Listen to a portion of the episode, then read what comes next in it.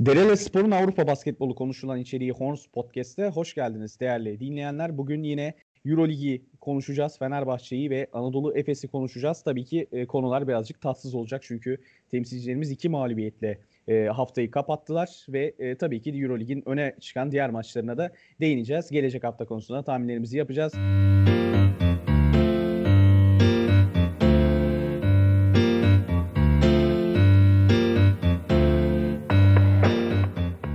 Ben Kutlan Koca'da Mert Öçkün. Benimle beraber abi hoş geldin. Hoş buldum dostum. Nasılsın? İyi, iyi olmaya çalışıyoruz diyelim. E, tatsız bir hafta. Hatta Maalesef. tatsız bir hafta sonu Fenerbahçe adına. Pazar günü alıyoruz kaydı. Dün de çok saçma sapan bir mağlubiyet aldı Fenerbahçe e, ligde. Ama ya o konuya daha sonra değiniriz. Önce Euroleague'den başlayacağız. Fenerbahçe ile açayım istiyorsan abi programı. Sana Olur. pası atayım yavaştan. Daha sonra ben alırım sözü. Ee, çok kötü bir galibiyet. E, çok kötü bir mağlubiyet Alba'ya karşı. Neler söylersin? Ya şöyle alalım o zaman. İşte Barcelona, Baskonya sırasıyla Real Madrid bir de Valencia'lı bu dört mağlubiyetli İspanyol fikstürü. Ee, akabın, akabinde bu e, programın e, öznesi olan Alba Berlin maçı ve de dün kaybedilen Karşıyaka deplasmanı. E, Fenerbahçe maalesef bir kara deliğin, bir vortex'in içine girdi ve çıkamıyor. Hı hı. Bence Barcelona deplasmandaki hezimet de Baskonya ve Madrid maçlarındaki karşılaşmalarındaki kötü skorlar da Alba maçındaki kadar kırıcı olmamıştır Fenerbahçe için. Yani oyuncu grubu için. Taraftar için bilemiyorum da o kısmı sen daha iyi yorumlarsın. Ee, ama en azından oyuncu grubu için bence Alba Berlin maçı çok kırıcı oldu. Yani İspanyollar, İspanyol takımları hani belli seviyenin üstündeki takımlar bunlar. Ve Hı-hı. hedef kovalıyorlar. Kadroları da belli ölçüde kalbur üstü kadrolar. İyi oyunculardan oluşuyor. Haliyle bu oyunculara karşı hani e, belli detaylarda, belli noktalarda geri planda kalmak normal. Ancak Alba'dan 30'a yakın pardon pardon 29 programdan önce uyarmıştım. yo yo 26. Üçüncü periyot 29'da bitti. Sonra 26'ya düştü lütfen. Son periyottaki 5'imiz 3 sayılık üstünlük sağladı Alba'ya karşı lütfen. Okey tamam. 26 sayı yani bu ne hani kadro kalitesiyle açıklanabilir ne Yok. de oyunun kendisiyle. Ee, bana kalırsa Fenerbahçe cephesinde ciddi bir mental çöküş var. Zira hani hem Alba maçını hem de dün oynanan Karşıyaka lig maçın işte 18 sayıdan verildi dünkü maçta. Ee, başka türlü açıklamak pek mümkün değil gibi geliyor bana. Evet, evet. Ee, hem koç Kokoşko hem de bazı oyuncular özelinde bu belli ayan beyan zaten. Zaten ben hani Igor Kokoşkov'un, Koç Kokoşkov'un bu sezonu tamamlayamayacağını da düşünüyorum. Ki birçok basketbol takipçisi de hani belki benle benzer düşüncede olabilir. Çok da hani belki şaşılacak bir e, görüş, öngörü vesaire değil bu. Sadece hmm. şunu belirtmek istiyorum ben. Fenerbahçe taraftarının bir kısmı dikkatimi çekti özellikle sosyal medyada bazı Fenerbahçe platformlarında bir kısmı kadro mühendisliği sebebiyle Igor'u, Kokoşkov'u suçluyor. Hmm. Bence şu bilinmeli, benim bildiğim kadarıyla en azından yorumluyorum. Bu oyuncu grubunu oluşturan isim Gerardini. Gerardini. Çok. Gerardini. Evet, Kokoş, evet, evet. Kokoşkov değil. Yani ya muhakkak Igor Kokoşkov'un da fikirleri olaya dahil edilmiştir. Lakin hani sorumluluktaki yani esas payı... Geçen sezon, geçen sezonlarda şöyleydi. E, Fenerbahçe taraftarının o tarz bir yorum yapmasının sebebi şu olabilir. Geçen sezonlarda genellikle Obradoviç istediği oyuncuları evet. alıyordu. Hani iletişimi kurma ve oyuncuları getirme noktasında e, Gerardini'nin bağlantıları çok fazla etkili oluyor. Çünkü Gerardini Avrupa'da hani A, A olarak en geniş e, isimlerden biri menajer olarak. Ama genel olarak oyuncuları Obradoviç seçip o getiriyordu. Bu algıda onun e, o onun bir etkisi olabilir. O durumun bir etkisi olabilir ama senin dediğin gibi ağırlıklı olarak Gerardini'nin inşa ettiği bir kadro var.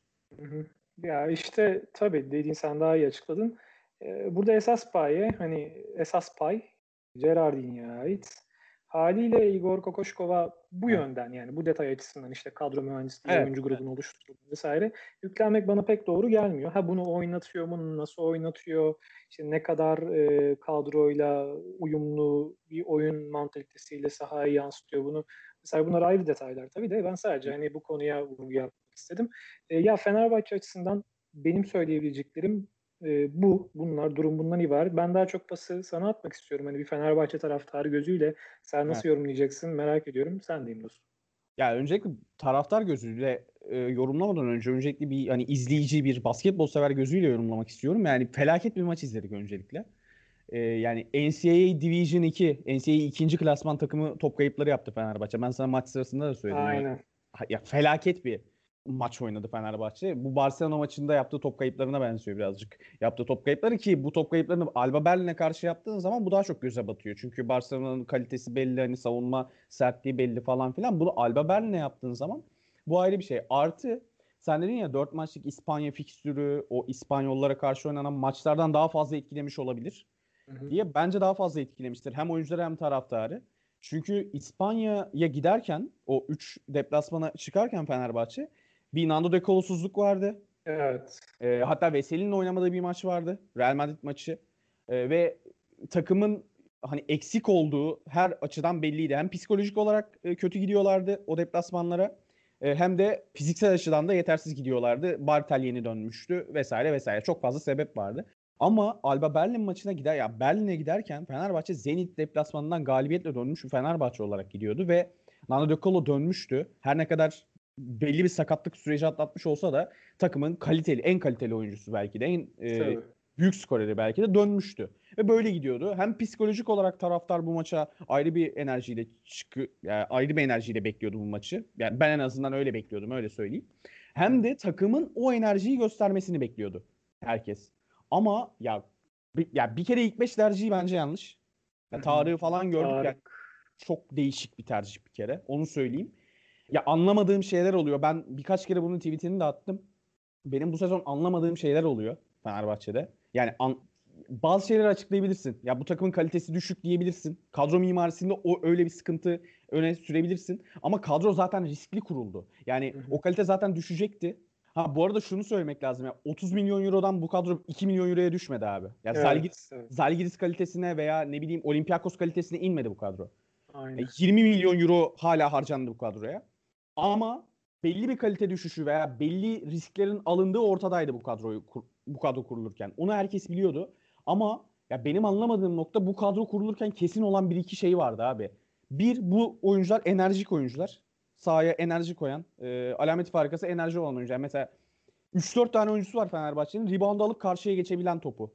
Ve asıl görevi bu olmayan işte Daşampierre, Ulanovas, şu bu hani rebound'a katkı verip bir anda topu alıp hatta açık saha hücumunda kolay basketler bulunmasını sağlayabilecek oyuncular. Biz Fenerbahçe'den bunu sezon başından beri görmüyoruz. Hı hı. Hatta Efes maçını kazanırken verdiğimiz en büyük örnek buydu bizim. Fenerbahçe reboundlara saldırdı. Evet. Geçen seneden farkı da bu olacak. Enerji. Evet. Enerji. Artı enerjiden kas enerjiden kastım ve enerjinin sağlayacağı şeylerden biri de Fenerbahçe'nin geçen sene en büyük sıkıntısı neydi abi? Maç içinde hayvan gibi iniş çıkış yaşıyordu. Ya hayvan gibi tabirini kullanıyorum çünkü bir anda 20 olan fark 3'e 4'e inebiliyordu. Evet. 3-4 olan farklı bir anda 10-15'e çıkartabiliyordu Fenerbahçe kalitesi ve Obradovic'den ileri gelen bazı etkenler sayesinde. Yani çok saçma sapan böyle e, manik depresif bir takıma dönüşmüştü Fenerbahçe geçen sene. Bu sene o olmaz diye düşünüyordum. Çünkü ne olursa olsun yani kalitesizlikten yola kalitesizliğin açabileceği hücumdaki veya belki savunmadaki olumsuzlukları enerjisiyle kapatmasını bekliyordum ben bu takımın. Bir şekilde veya bu takım öyle inşa edilmişti, öyle kurulmuştu temeli yanlışmış demek ki o inşaatın.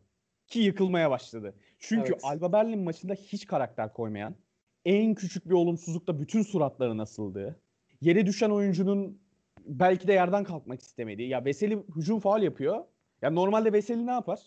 Hani bu kavga ederdi ya. Kavga e, ya ederdi. sen bir, bak senin sevmediğin bir özelliktir bu Veseli'de. Evet. Ben evet. sana hep savunurum Veseli'nin bu özelliği. Savunurum derken Hı. hani o istekli, anladım, anladım. arzulu oluşunu hep sana söylerim Veseli'nin. Sen de katılırsın bana aslında evet falan diye. Abi onu görmedik. Doğru doğru. Yani şu maç bitsin de. Yani umursamaz bir tavır sanki böyle hani. Abi gibi. umursamaz bir tavır. Ya bir de ben ya şunu anlamıyorum. Dediğim gibi ya ben sezon başında birçok yüzde yüz bu olacak dediğim şeylerin şeyler konusunda yanılmaktan rahatsızlık duyuyorum. Hani yanıldığım için rahatsızlık duymuyorum. Yanlış anlaşılmasın. Yanılabilirim. Ama bu takım en kötü ihtimalle mücadele ederek bir maçtan kopmayacaktır düşüncesini savunuyordum ben. Ki öyle bir kadro kuruldu aslında. Mücadeleci bir kadro kuruldu aslında. Fiziksel kapasitesi yüksek bir kadro kurulmaya çalışıldı aslında. Ama ya gelinen noktada herkes fark çift taneleri çıktığı an maçtan vazgeçen bir vaziyette şu anda. Evet maalesef. Ya bir de ki şuna... daha bir hafta önce daha bir hafta önce Zenit maçında öyle bir performans gösterildikten ya sonra referan referanstı ya bir hafta önce elinde bir referans Aynen. var. Ee, bir de bir şey eklemek istiyorum Kutlu e, söylediklerine. Şimdi e, bahsettin sen Buyur açıkladın her şeyi. Ya aslında Fenerbahçe basketbol takımının geldiği durumu en iyi özetleyen maçlardan biri de yaklaşık iki hafta önce oynanan Türkiye Ligi'ndeki Büyükçekmece maçıydı mesela. Evet, evet, evet. Yani hani e, Fenerbahçe, Fenerbahçe takımı ya belki çok düz bir yorum olacak, çok sığ bir yorum olacak ama bence Büyükçekmece'yi kaybetmemeli yani. Bu eldeki kadro bu kadar e, nasıl diyeyim? Abi en azından 93 yemezsin ya. evet. Ya e, bak daha şey doğru. yaparsın tamam bak. Ya çıkarsın herkes çok kötü şut atar tamam mı? En güvendiğin el bile. Ya Celal'e 7'de 0 üçlük atar. Melih 6'da 0 üçlük atar. İşte Lorenzo Brown 8-9 top kaybeder ki yapmışlığı var o çok büyük sürpriz değil de. E, top kaybeder falan filan. Gidersin 73-71 kaybedersin tamam mı? Aynen. 93-91 kaybetmezsin abi. Doğru doğru. Ya da her ne olursa olsun dün e, hakemler konusunda da çok fazla şey yapıldı. Sosyal medyada da gördüm. Abi hakem ne yaparsa yapsın tamam mı? Ki öyle çok acayip ekstrem şeyler bence yapmadı son 4 dakika özelinde. Bence söyleyeyim. belki so- Ya- son bir hani Bartele Pierre'e verilmeyen Pierre'e verin Pierre. Pierre, Pierre, verin, Pierre'e verilmeyen faul var. Doğru. Evet. Ama abi yani top çıkartırken hem Lorenzo Brown top kaybedecek hem Nando De Colo top kaybedecek. Gelen el hücumda üçlük diyeceksin. ikişer üçer serbest atış imkanı vereceksin. Hoca bir dokun ya oyuna. Aynen. Bak oyuncularda suç var. Yüzde yüz. O- Oyuncular da zaten öz eleştiriyi yap, yapıyorlardır inşallah. Umarım. Ama hoca azıcık dokun ya. Ya Evet. şey mesela şey açıklamasını yaptı Alba Berlin maçından sonra işte bütün sorumluluk bende falan filan. Ya abi görülen ya tekrar tekrar yaşanan şeyler tekrar yaşanıyor ama hiç dokunamıyorsun oyuna yani. Ki yani Kokoşkov'un ne kadar iyi bir koç olduğunu, kimlerle çalıştığını, hangi oyuncularla veya hangi koçlarla çalıştığını geçmişinde herkes biliyordu. Herkes de buna güveniyordu birazcık. Ki hakikaten hani kötü bir koç değil. İyi Ya tabii bunu ki. biliyoruz. Ama yani hiç maça dokunamıyor. Yani evet maalesef Şey olarak o entegrasyon olmadı yani. Oyun olarak söylemiyorum. Yani oyuncuların surat ifadesini değiştiremiyor koç kenarda. Evet. Evet evet. Ya buna en basit örneği vereyim. Kızarmış, suratı kızarmış Obradoviç örneğini vermeyeceğim. O çok ayrı bir seviye de. yani Yasikevicius'tur ya da Messina'dır ya da işte ne bileyim Reneses. Ya şu, Abi şunu Reneses- düşün. Reneses 2-1-2 alan savunmasıyla kitledi resmen ya Fenerbahçe. ya bir şey Evet. yaptı, farklı bir şey koydu. Oyunculara farklı bir şey sundu. Ve oyuncular o farklı sunulan şeyi benimseyip bir şeyler yaptı. Fenerbahçe'de hiç yani sezon başından beri bunu görmüyoruz biz. Alba Berlin maçı tamamen yok oldu. Hiçbir şey hiçbir farklı bir şey sunmadı. Ya sunduğu en farklı şey ilk beşe Tarık Biberovic başlaması korkunç bir tespit. Eğer tespit buysa. Çözüm buysa yani. Doğru haklısın. Evet, ekleyeceğim bir şey yoksa yavaştan Yok geçiyorum. bu Fenerbahçe. Kısmı bu kadar. Yani ne olur ne biter bilmiyorum ama transfer de lazım bu takıma belli ki. Bir, bir uzun transferi lazım. Alex Perez geldi. Perez hala ortada yok.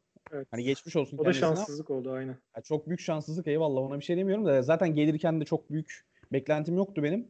Hı. E, Bu Dekolo'nun olmadığı bölümde Dekolo'nun yokluğunu kapatmasını bekliyordum. Dekolo döndü hala kendisi dönemedi. O da ayrı bir sıkıntı.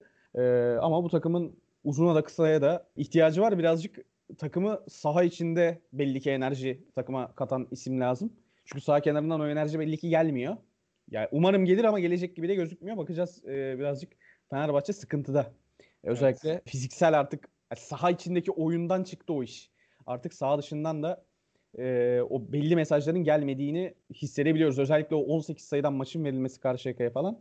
Hani Karşıyaka'yı tebrik edelim o ayrı konu ama sıkıntı. Efes'e geçelim ayrı bir sıkıntı. Burada ben pası direkt sana atacağım. Ee, birazcık sen benle dertleş burada da. tamam. Ya çok yazık oldu gerçekten.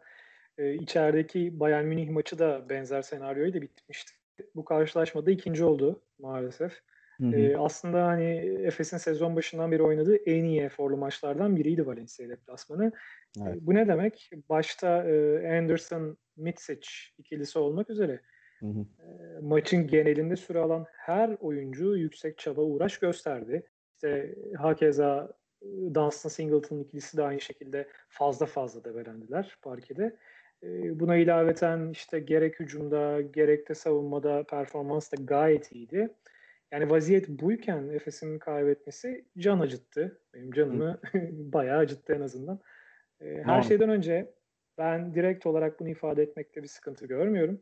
Ben bu kaybı bir taraftar olarak taraftar gözüyle Ergin Hoca'ya yazıyorum. Koç geçtiğimiz sezon hani neredeyse kusursuz bir koçluk örneği sergilemişti. Hatta bana kalırsa Euroleague tarihin en iyi koç performanslarından biriydi. En iyisi değildi belki ama biriydi. E, gerek takım içi oyuncu rotasyonu olsun, işte gerek kritik anlardaki oyuna müdahale sakatlıklarda olsun. sakatlıklarda verilen Evet. reaksiyon olsun. Kesinlikle mola zamanlamaları olsun vesaire vesaire. E, fakat bu sezon maalesef Koç da e, geçen sezonki mental odaklanmışlığından çok uzak görünen o. Hı. Hoca geçen sezon senin de bahsettiğin gibi Dunstan'ın yokluğunda Sertaç'a güvenmişti ve Sertaç'ı kazanmıştı mesela. E, yine Buğrahan'a e, iyi süreler vermişti muhtelif mücadelelerde. Bu sezonun başında Erten'den sık sık faydalanmıştı ki e, sen de biliyorsun Erten de gayet iyi feedbackte bulunmuştu hocaya, takıma. E, Evet. hoca bu üçlüyü nedense hiç kullanmıyor son haftalarda. E, bence koçun e, bu tercihi söz konusu isimleri yani hem oyuna küstürüyor hem de takıma küstürüyor. Aynı zamanda dar rotasyondaki işte as oyuncular da hiç dinlenemiyor ve ciddi yoruluyorlar. Muharreman'la Plyce da maalesef son haftalarda çok formsuz. Özellikle işin savunma tarafında çok fazla hata yapıyorlar, arka arkaya adam kaçırıyorlar vesaire. E, durum bu olunca da yaş olarak zaten veteran statüsünde sayılan hani Dunstan'la Singleton ikilisi de bir yere kadar %100 anca verim verebiliyor. Ki Dunstan'la kıza- Singleton'ın son periyotta da belli e, ikili oyun çıkışlarında geç kaldıklarını Evet. devrilme Abi, konusunda savunmada gördük. çok normal yani fizik olarak hani bir yere kadar ki hani Dunstan da mesela e, uzun süre oynamayıp döndü. E Singleton'a çok yük biniyor bu süreç içerisinde. Adam sürekli oynuyor, sürekli oynuyor. Bir de işin e, Larkin boyutu var. Ona da değinmek istiyorum ben. E, iyi durumda değil bir kere. Hatta bana kalırsa kötü durumda ama hani dinleyenlerimiz inansın ki zerre kızmıyorum Shane Larkin'e. E, Valencia maçı bildiğim kadarıyla adamın 15 gündeki 8. maçıydı. Evet. Yani buna ne mental ne de fizik olarak dayanabilir herhangi bir oyuncu. Çok çok çok zor. E, Bir de burası EuroLeague. Hani e, normal sezonda dahi rekabetin, işte savunma sertliğinin üst düzey olduğu bir ortamdan bahsediyoruz. E, NBA normal sezondaki o kısmen hani sirkvari savunma işte bazen görüyoruz yani sa- savunmanın sayısının olmadığı pozisyonlar, sekanslar, maçlar oluyor. E, buna benzemiyor EuroLeague e, normal sezonu. E, bir ilave daha e, rakiplerin savunma konsantrasyonunda full Larkin üstünde yani. Sürekli Larkin'in üzerine oynanıyor. Ya kısacası Larkin çok yoruldu ve çok normal bu. E, Evet. Bu açıdan ben koçun maç sonunda e, kararları, topu Larkin'e verdirme tercihini de çok doğru bulmadım ve, ters etti. Hı E, hı. Keşke hem men fizik olarak çok daha iyi durumda olan e, Mitsic olsaydı direksiyonda ama Evet. e, iş işten geçti tabii. E, bir de şu var. Efes'in mesela üçüncül gibi gözüken ama zaman zaman hani birinci top yönlendiricisi olan Simon'un yokluğu da e, çok kötü çok etkiledi Çok takımı. etkiliydi. Heh, Özellikle son Yani şöyle, sekanslarda. şöyle etkiliydi. Orada şöyle bir ekleme yapayım abi. Sakatlıktan dönen Boboa'nın e, formsuz dönüşünün de düşünürsek e, Simon. Simon'un önemi bir kat daha artıyor kısa rotasyon açısından. O yüzden yani Ya- Boboa'nın sezon başlangıcı hele bir Maccabi maçı var biliyorsun. Hem savunmada hem hücumda inanılmaz oynamıştı. O Boboa evet Simon'u aratmayabilir o pozisyonda ama e, ya top yönlendirici konusunda yine Simon çok daha iyi bir oyuncu ama hani skorerlik, hücumdaki e, nasıl diyeyim işte çeşitlilik açısından Evet, aratabilir evet. ama e, Boboa'nın da formsuzluğu Simon'u aratıyor. Ya ki hani James Anderson belki de Efes'teki en iyi maçlarından birini oynadı yani Evet, bu maçta. evet, çok evet. iyiydi. 3 numarada çok iyi katkı verdi ama işte Anderson'ın verdiği katkı farklı detaylarda ortaya çıkıyor. İşte e, o daha çok tamamlayıcı rolde e, işin içinde olduğu için ya Simon direkt yönlendirici konumda oynuyor çoğu zaman Efes'te. Hı. Kritik anlarda e, topu eline almaktan sakınmayan bir isim. Hatta e, hatırlarsın Larkin'le Mitch için röportajlarında hep değindikleri bir şeydi bu işte sıkıştığımız anlarda topu ona bırakıyoruz hani ne yaparsa yapsın tarzında hep e, vurgulamışlardı bunu. E, bu açıdan Büyük ya, rahatlıktır içinde. çok çok rahatlık. Sonuç bu açıdan ya üzücü oldu. Son bir şey de ben Muharrem Plyce ikilisi hakkında söylemek istiyorum. Hı hı. E, sanki koçla bunu seninle daha önce konuşmuştuk galiba. E, sanki koçla iletişim noktasında bir problemleri var gibi. Plyce'la Muharrem'in koç e, maç içerisinde ilk oyunu aldıktan 2 dakika mı 3 dakika sonra mı ne çıkarmak durumunda kaldı ki koç haklıydı bana kalırsa. Gerçekten özellikle işin savunmayın çok kötüydü Muharrem'de Plyce'da. Çok adam kaçırdılar. E, yani bir türlü konsantrasyon o konsantrasyonu yansıtamadılar parkeye. Plyce'ın ilk oyundan çıkış sırasında Ergin Hoca'ya attığı bir bakış vardı. Dedim eyvah. Üstüne bir de Ki biz, ben ki biz geçen hafta daha Plyce'ın e, soyunma odasında ne kadar örnek bir karakter olduğundan bahsediyor. Ya bu arada soyunma odasındaki huzursuzluk falan huzursuzluk vardır falan demiyoruz ayrı konu da. E, bir o bakış dediğim Evet, bakışta da bir hani hoca niye çıkıyorum huzursuzluğu Aynen. vardı. Aynen ters ters bir bakış böyle. Bir de üstüne e, bench'in o son sandalyesine oturan Moerman. Yani hocanın tırnak içerisinde öyle bir kaydığı fırça var ki Moerman'a. Ben dedim sana da söyledim zaten. Hani ikinci bir Ergin Ataman, Igor Rakoçevic kavgası geliyor herhalde dedim. Krizi geliyor. Yani bayağı sağlam fırça kaydı o, sırada. Ya bu arada o noktada şunu belirtmek lazım. Araya giriyorum abi de tabii, bir tabii. değinmek istiyorum o konuya. Mesela hep dedik ya Efes'in geçen seneden kurtulması lazım, psikolojik ağırlığını atması lazım falan filan. İşler kötü giderken o geçen seneye hatırlanacak. İşler kötü tabii, giderken ya biz şampiyonluğa gidiyorduk kısmı hep hatırlanacak ve onun yıpranmışlığını hissedecek Efes psikolojik anlamda. Hı. Ki fiziksel anlamda da özellikle Larkin konusunda e, örneğini verdin. E, zorlanırken takım sakatlıklar yeni dönmüşken sakatların e, yarattığı defoları kapatmaya çalışan oyuncuların e, fiziksel yorgunluğu arttıkça o psikolojik yorgunluk daha da gün yüzüne evet, çıkacak. O psikolojik yorgunluğun nasıl yönetici, yönetici, e, yönetileceği e, Ergin Ataman tarafından o geçen seneki koçluktan bahsettin. E, çok iyi bir koçluk yapmıştı. Bu sezonki e, yükü bir kat daha artmış oldu Tabii. o psikolojik e, yıpranmayla beraber. Onu nasıl yöneteceği çok önemli. Asvel ve Valencia maçları çok iyi örnekler değil. Ee, evet. En azından fiziksel yönetim yani maç sonuçları sonuca baktığımız zaman ama ya zor da bir fikstüre giriyor Efes. Sen geçen ya, hafta belirtmiştin. Bir iki büyük maç kazanması lazım Efes'in. Aynen. Bir de şunu belirteyim. Zor fikstüre giriyoruz. Giriyor Efes. Şimdi bu hafta ne zamandı? Ee, dün. Cumartesi günü Efes'in de mesela Bursa Spor'la oynaması gereken bir maç vardı. Bursa Spor'un Bursa Spor'da çıkan işte bu Covid vakaları sebebiyle Hı-hı. maç ertelendi. Yani tabii ki burada e, sevinilecek bir durum yok da e, Bursa Spor açısından özellikle ama hani Efes yönünden de hani maçın ertelenmiş olması en azından Efes'te oyunculara bir dinlenme konfor alanı sağlamış oldu. Hani çünkü çok arka arkaya bir fikstür sıkışması olmuştu Efes ya çift açısından. maç haftası çift maç haftasına giderken hani geçen hafta dedik unofficial yani resmi olmayan bir çift yapacak. Hani iki hafta üstüne çift maç yapmış gibi evet. olacak. Mesela 10 gün içinde 5 maç 4'ü Euroleague olacaktı. Aynen. O yüzden bu haftayı biraz böyle sakin geçmek Efes açısından hani ya tabii ki her şeyi rahata erdirmez ama en azından bir nefes aldırma bir alma fırsatı. Bir soluklanır. Evet.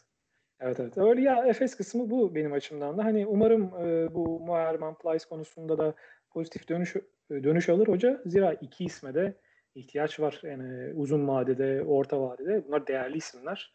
E, Efes için önemli isimler. E, bakalım göreceğiz. Ya Efes için şunu söyleme, şunu söyleyerek kapatayım Efes'i ben. Geçen sezonki en büyük alameti farikalarından biri süreklilikti. İşler ne kadar sarpa sararsa sarsın sağda bir süreklilik vardı. Hücum kısmında da savunma kısmında da hani dedik ya savunmada Efes e, Valencia'ya karşı e, güçlü takım savunmasıyla bu maçı almalı dedik geçen hafta.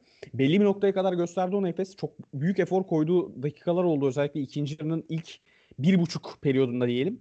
Ama o son 5 dakikaya o sürekliliği yayamadı bir tür bir şekilde Efes. O da fiziksel e, yorgunluktan ve fiziksel istikrarsızlıktan e, ileri geliyor diye düşünüyorum. E, ya bunun çözüm, çözümü zamanla artık mümkün olacak. Çok büyük maçlara giriyor Efes. Psikolojik yıpranmadan bahsettik. Büyük maçların önemi yani şey çok büyük bir tespit değil biliyorsun. Efes büyük maçları kazanmalı. Yani mükemmel bir tespit evet. değil. Ama bu o yani bir Ceska galibiyeti, bir Real Madrid galibiyeti takımın psikolojik olarak seviye atlamasını sağlayacak. Abi havayı bak şey mesela bölüyorum kusura bakma. Ee, mesela içeride kazanılan Maccabi maçı. O Heh. de o kadar eksiye rağmen ne kadar Heh. değiştirdi. Bir 3-4 haftası mesela blok, Efes'in kurtarmıştı. Ay, ya abi 6 maçta 5 galibiyet aldığı sekansın ikinci maçı falandı. Evet, evet, evet. Yani o bir blok, Boboğan'ın yaptığı bir blok bütün takımdaki havayı, bütün soyunma odasındaki, Aynen. bütün o Merter'deki, ben hala Merter diyorum bu arada. Hep de Merter demeye devam edeceğim. Merter'deki havayı değiştiriyor. Yani. Evet diyelim ve Efes'i de yavaştan geçelim. Senin çok beğendiğin senin çok beğendiğin bir şey oldu. Bu evet hafta. aşık oldum. Sen aşık oldun. Anne kusura bakma oğlum bir e, basketbol sahasına aşık oldu diye parkeye. Parke, Baskonya'nın, evet. Baskonya'nın yeni parkesi. Ya şimdi yani biz çok... görsel görsel bir program yapıyoruz. Podcast yapıyoruz ama hani bahsetmek lazım. Hakikaten çok hoş olmuş. Ya hoştu. Şöyle söyleyeyim ben burada hani kısaca geçeyim. PlayStation'da NBA 99 benim ilk evet. oynadığım oyundu. Orada yanlış oluyor. Nasıl? Yapma. Yapma. yapma. E, devirdik artık. ne yapalım? 3 çarpı onları devirdik. E, şey orada Seattle Supersonics e, bu şeyden önceki Oklahoma City Thunder'dan önceki takım. Bilmeyenler olabilir belki. E, Seattle'ın saha zemini oyundaki Key, Key Arena Key mıydı? Key Arena. Aynen. O mesela çok ilgimi çekmişti benim ilk oyunu e, oynarken. Sonra hmm, hangi salon diye. Şu an bir arada bir salon daha vardı. O aklıma gelmedi. Sondan örnek vereyim. Mesela Beşiktaş'ın akatlar bu sezon. Brook, Brooklyn'in salonu olabilir mi şu an? evet evet bravo. Brooklyn, bravo. Bravo. Şu, aynen Brooklyn Nets. Ee, bir de şey bu Beşiktaş'ın salonu evet, aslında şu, şu anki hali değil ama sezon başında tasarlanan Sezon başındaki hali aynen. Aynen ha. FIBA araya girmiş işte böyle olmasa falan filan. Bir şeyler olmuş orada. O da çok mesela ilgimi çekmişti. Ya böyle değişik tasarımlar, değişik dizaynlar. Baskonya'nın mesela parke tasarımı çok çok ilgimi çekti. Buna şeyde çok rastlanıyor aslında. Ee, İtalya Erkekler Voleybol Ligi'nde oynanan evet, evet. Pembeli salonları. pembeli böyle pembeli kırmızılı. Hani evet, gökkuşağı evet, gibi evet. Böyle, izlemesi hakikaten keyifli o, oluyor. Bazı bazıları göz yoruyor. Abi şeyden bir de çok göz yoruyor onlar. Çok reklam oluyor zeminde. Evet evet. Ya şeyde şimdi kanal ismi söylemeyeyim. E, orada genelde yayınlanan maçlarda hani dikkatimi çekiyordu. O kadar çok reklam var ki ya Aynen. zemin güzel de çok çok bazen yoruyor gerçekten Yo, o reklam Baskonya, olayları. Baskonya tadında yapmış ama bana göre. Aynen. Ben, benim de hoşuma gitti. Baskonya o salondaki maçları sevmem genelde. Hem bu bizim Final Four'dan dolayı sevmem. Normalde de çok sevdiğim bir salon değil. İzlemeyi çok ya beğendiğim bir salon değil maç izlerken. Hiç gitmedim de. E, bu bu hali fena değil. Bu halini beğendim. Maç izlemek keyifli olur. Fer, Fernando Buesa mıydı? Fernando, Fernando Buesa. Buesa. Aynen. E, ilk maçlarını da kaybettiler orada. Ee, evet evet. Maccabi, Maccabi, Maccabi istikrarsız sonuçlarına devam ediyor ama bu kez olumlu bir sonuç alıp maçı kazanmayı başardı. Haftanın bir diğer kritik maçı da e, bana göre hani parkeden ziyade maçın kendisi güzeldi. E, ben de o maçtan bahsedeyim. Barcelona Milan maçı. Hı-hı. Çok değişik bir maç oldu. Milan'ın sayı atamadığı bir 6-7 dakikalık bölüm var abi. O 6-7 dakikalık bölümün toplam skoru 34-0 falan. Maçın ilk, ya maçın ilk 3,5 dakikasıyla maçın son 5 dakikası falan. Ya 5 dakikada son 5 dakika sayı atıyor da hepsini serbest atıştan atıyor yanlış hatırlamıyorsam. 4 sayı falan atıyor. 67-60 öndeyken maç 87-71 bitiyor abi. Ve yani e, ya şeyi söylemek lazım. Kalates maçın sonunda oyuna dahil olduktan sonra her istediğini yaptı. Delaney hiçbir istediğini yapamadı. Sergio Rodriguez'in de ne kadar önemli bir oyuncu olduğunu Milano açısından burada anladık. Sen Milano için ne düşünüyorsun bu sene? Onu ya sorayım ben, genel anlamda maç özelinde değil de. Bak ben sezon başından beri e, bir platformda bununla alakalı yazı da yazmıştım. Aynı düşüncedeyim hala. Ben e, sezon başından beri Milano'nun biraz e, abartıldığını demeyeyim de gereğinden fazla hani böyle bir hava yansıtıldığını Hı. inanıyorum. Hani yani mesela Kyle Hines, işte e, Kevin Datome. Panther, Datome, Malcolm Delaney tamam bu isimler kağıt üstünde. Hı. Evet iyi isimler ama mesela şimdi Ceska'nın mesela Hines'ı bırakmasının bir sebebi vardı. Yani Hines'ın işte Milutino aynen. Bunun e, o da bayağı vardı. parası var adam mikamesini alamıyor yani. Ya aynen doğru söylüyorsun. Ya şey e, Delaney mesela tamam bireysel olarak harika bir oyuncu olabilir ama Aha. hiçbir zaman yani mesela Barça'da gördük bunu. Yani e, üst seviye takımlara böyle takımlar direksiyona direkt e, hiç kafanda soru işareti olmadan koyabileceğim bir e, oyun kurucu mu? Yani guard tercihi mi? Ya, ya da işte o Sergio işte Rodriguez pa- Panther. Işte. Yani kritik evet, anda pa- emanet edebileceğin oyuncu o. O da artık hani veteran artık Hı-hı. sonuçta. E, Panther desen ya tamam eyvallah şeye benziyorum benzetiyorum ben Panther'ı.